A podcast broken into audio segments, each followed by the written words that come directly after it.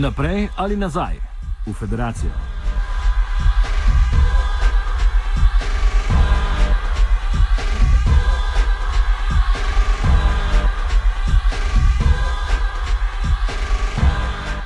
Po večletnem iskanju poti iz labirintov gospodarske in politične krize, v katerega so staro celino potisnile negotove globalne ekonomske in finančne razmere, je predsednik Evropske komisije Jose Manuel Barroso evropskim parlamentarcem predložil novo vizijo za okrevanje Evropske unije. V skladu s predhodnimi namigovanji je Barozu europarlamentarcem predstavil idejo Združenih držav Evrope, kako so njegov predlog poimenovali mediji, tesnejšo povezavo držav znotraj zveze po federalnem modelu.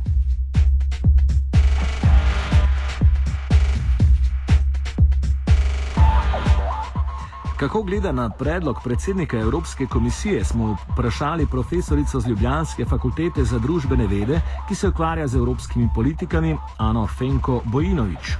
Zaradi nekonkretnosti je po njenem Barozovo idejo mogoče gledati z več vidikov. Treba je biti zelo uh, natančen in previden in upoštevati več kontekstov, uh, znotraj katerih je pa mogoče to besedo uh, razumeti zelo različno. Ne? Recimo, To je zelo povezovalen, integracijski tak uh, push uh, naprej moment uh, za države članice Evropske unije, pa tudi za družbe. Ne? Se pravi, to je čisti, kot bi rekla, nek uh, politični moment, po, potegn skupaj države, nek, nek tak povezovalni element. Um, po drugi strani ne, je pa treba razumeti um, to izjavo tudi v enem drugem kontekstu, komu je Barozo kot predsednik komisije je pa govoril, ne, to povedal in v kakšni instituciji. Se pravi, to ni govoril v vem, Evropskem svetu, ne, nacionalnim državam, ampak je nagovarjal parlamentarce. Ne.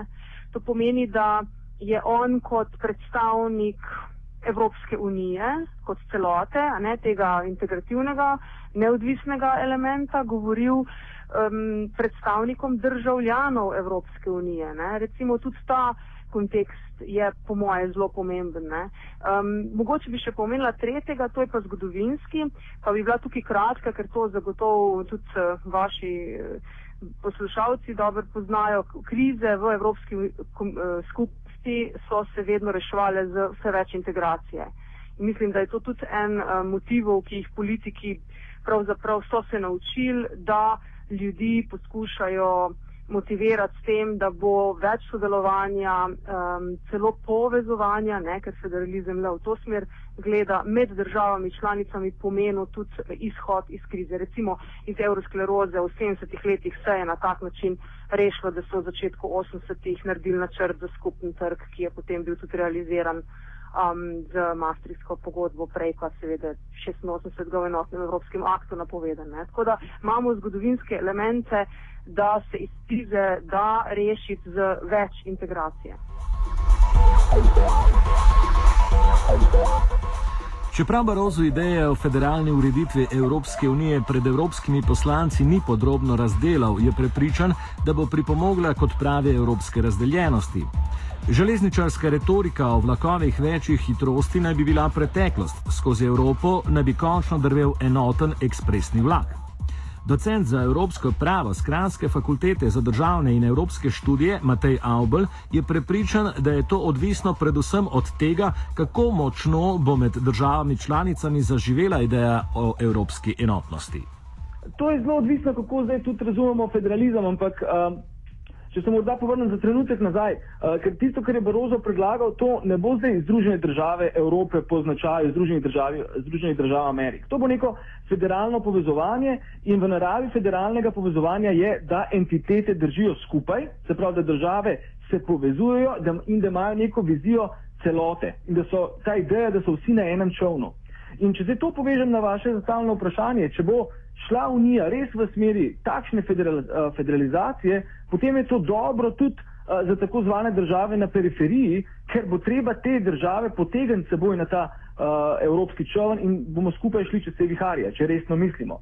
Če pa s tem ne mislimo, potem pa ne gremo v smer federalne Evrope oziroma gremo zgolj v smer federacije za nekatere, za druge pa ne in v tem primeru bomo govorili o Evropi več hitrosti.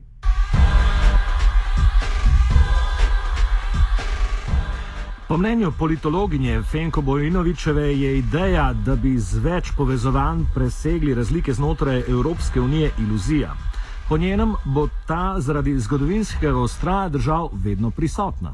To pa je politično, po moje, povsem iluzija. Kaj ti vedno imate, v, sploh pa v skupini, tako veliki skupini držav, kot je zdaj Evropska unija, že postala z 27 oziroma kmalo 28 članicami ob novi širitvi. Um, mislim, da tukaj boste vedno imeli uh, osrednje integracijske uh, akterje oziroma tako bom rekla močne akterje, ki ni nujno, da so prointegracijski, kot naprimer Velika Britanija, ne? pa imate potem Francijo in Nemčijo, to je nek res zgodovinski, kot bi rekla, kor ali pa osrednji. Um, srednja skupina držav, potem imate zdaj v teh, recimo v veliki širitvi 2-4, saj Poljsko, ki nekoliko izstopa iz te skupine manjših, srednje in jugovzhodnoevropskih, pa tistih dveh sredozemskih, ki poskuša tudi zraven sodelovati. Kaj recimo, če lahko rečemo Španijo, ki se nekako pa Italijo pridružuje ta sredozemskemu voditelju, ne Franciji. Tako da eh, jaz mislim, da teh več hitrosti nikakor ne bomo presegli, zato ker so države različne. Mm, kljub temu, da želijo sodelovati, imajo tudi različne interese, ne samo pri notranjih politikah Evropske unije, ampak predvsem pri zunanjih, ki kot vemo še vedno ostaja samo kot koordinativna, čeprav se imenuje skupna, ampak vseeno vidimo, da bo več hitrosti ostalo tako v interesih držav eh, članic Evropske unije, kot na področjih sodelovanja, eh, ki jih Evropska unija obsega. Za temeljito strukturno preoblikovanje Evropske unije bo potrebna sprememba Evropske ustave. Že s sprejetjem aktualne Lizbonske listine je imel Bruselj obilo težav, da je prepričal vse vlade držav članic, ponovna prevetritev pravnih temeljev unije pa bi znova zahtevala veliko volje za dosego kompromisa. Matej Albert pa pri tem opozarja na dvoreznost aktualnih zaostrenih globalnih gospodarskih razmer. Na eni strani od držav zahteva večjo mero sodelovanja in povezovanja, na drugi pa pušča precej prostora političnim populizmom in ekstremizmom, ki v, tren, v tem trenutku najbolj najedata vprašanje evropske enotnosti. To bo kar velik uh, tehnični zalogaj iskanje tega uh, konsenza, pravzaprav iskanje uh, unifikacije med, med vsemi. 27 uh, državami. Ampak, gledajte, uh, meni se zdi zelo pomembno tisto, kar je Barozo izpostavil, da realnost, ki jo trenutno živimo, ni resnična in da je to status quo, ki ni vzdržen, je neuzdržen in če hočemo naprej iti na enem čovnu, uh, bomo pač morali te, uh, se soočiti s trenutkom časa in poskušati poiskati to, ta konsens na ravni vseh držav članic. Je pa res, da so časi težki in da veste, kako je. V težkih časih uh, iščemo uh, lahke odgovore na težka vprašanja. Um, te lahke odgovore pa vedno dajo ekstremni politični spektri in tega se moramo um, lahko tudi bati, na vsak način pa izogibati.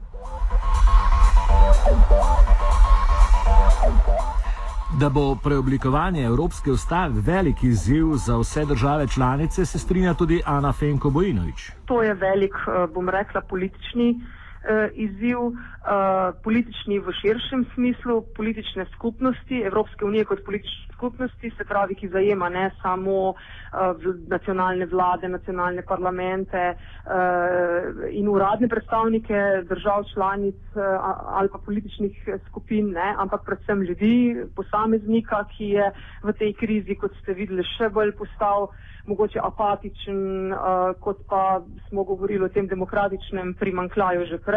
Tako da to je ja, velik politični izziv, kako motivirati čist vsakega, recimo, ali pa vsakega pač navadnega posameznika, ki ni evrouslužbenc ali kaj takega, ne, za to, da sledi sploh razpravo o potrebah uh, sprememb, ki so bile dosežene uh, nedavno ne, z, z aktualno veljavno uh, pogodbo.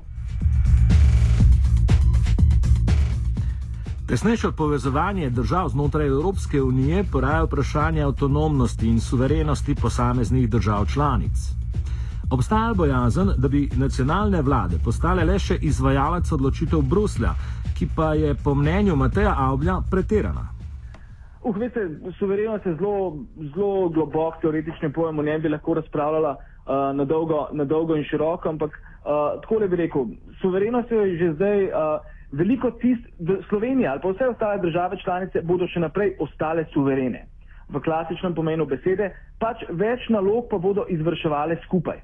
Uh, to ne bo vplivalo na našo neko identiteto, to ne bo vplivalo na našo uh, samostojnost v pravnem in političnem smislu, ampak na nek način bomo vse tiste zadeve, kjer so zdaj globalni trgi presegli sposobnost uh, držav, uh, kjer države same pravzaprav ne morejo več kontrolirati interakcije na svojem teritoriju ali pa med sabo, tukaj bomo pač spostavili na supranacionalni ravni uh, neke druge kontrolne mehanizme, ki bodo skupaj z obstoječimi državami uh, dosegali te cilje.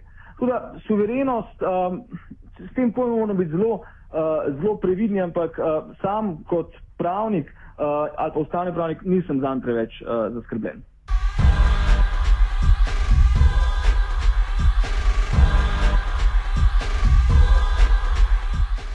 Politologinja Ana Fenko Bojinovič je prepričana, da o popolni avtonomiji in suverenosti držav v modernem svetu številnih globalnih uh, globalizacij že sedaj težko govorimo. Bojazen, da bi se Evropska unija v bližnji prihodnosti preoblikovala v enotno nadnacionalno državo, pa je tudi po njenem odveč.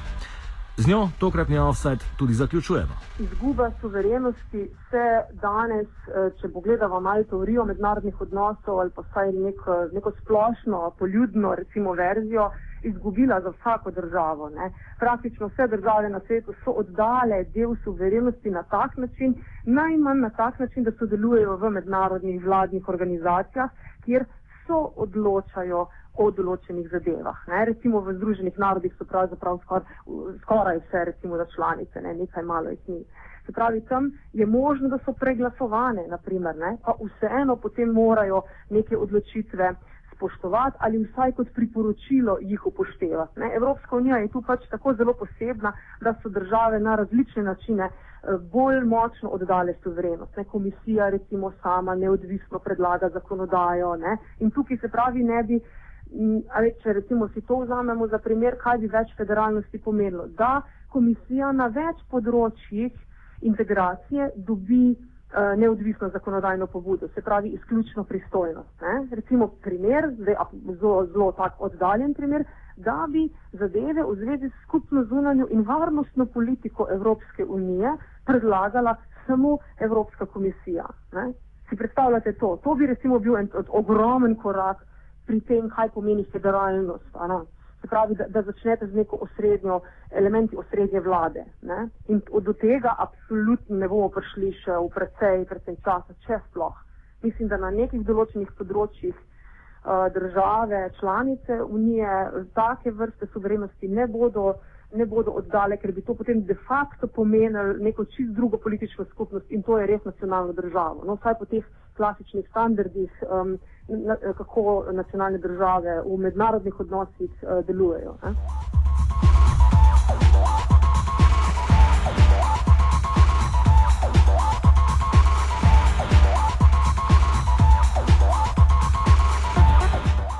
Offside je pripravil Nate Smartson.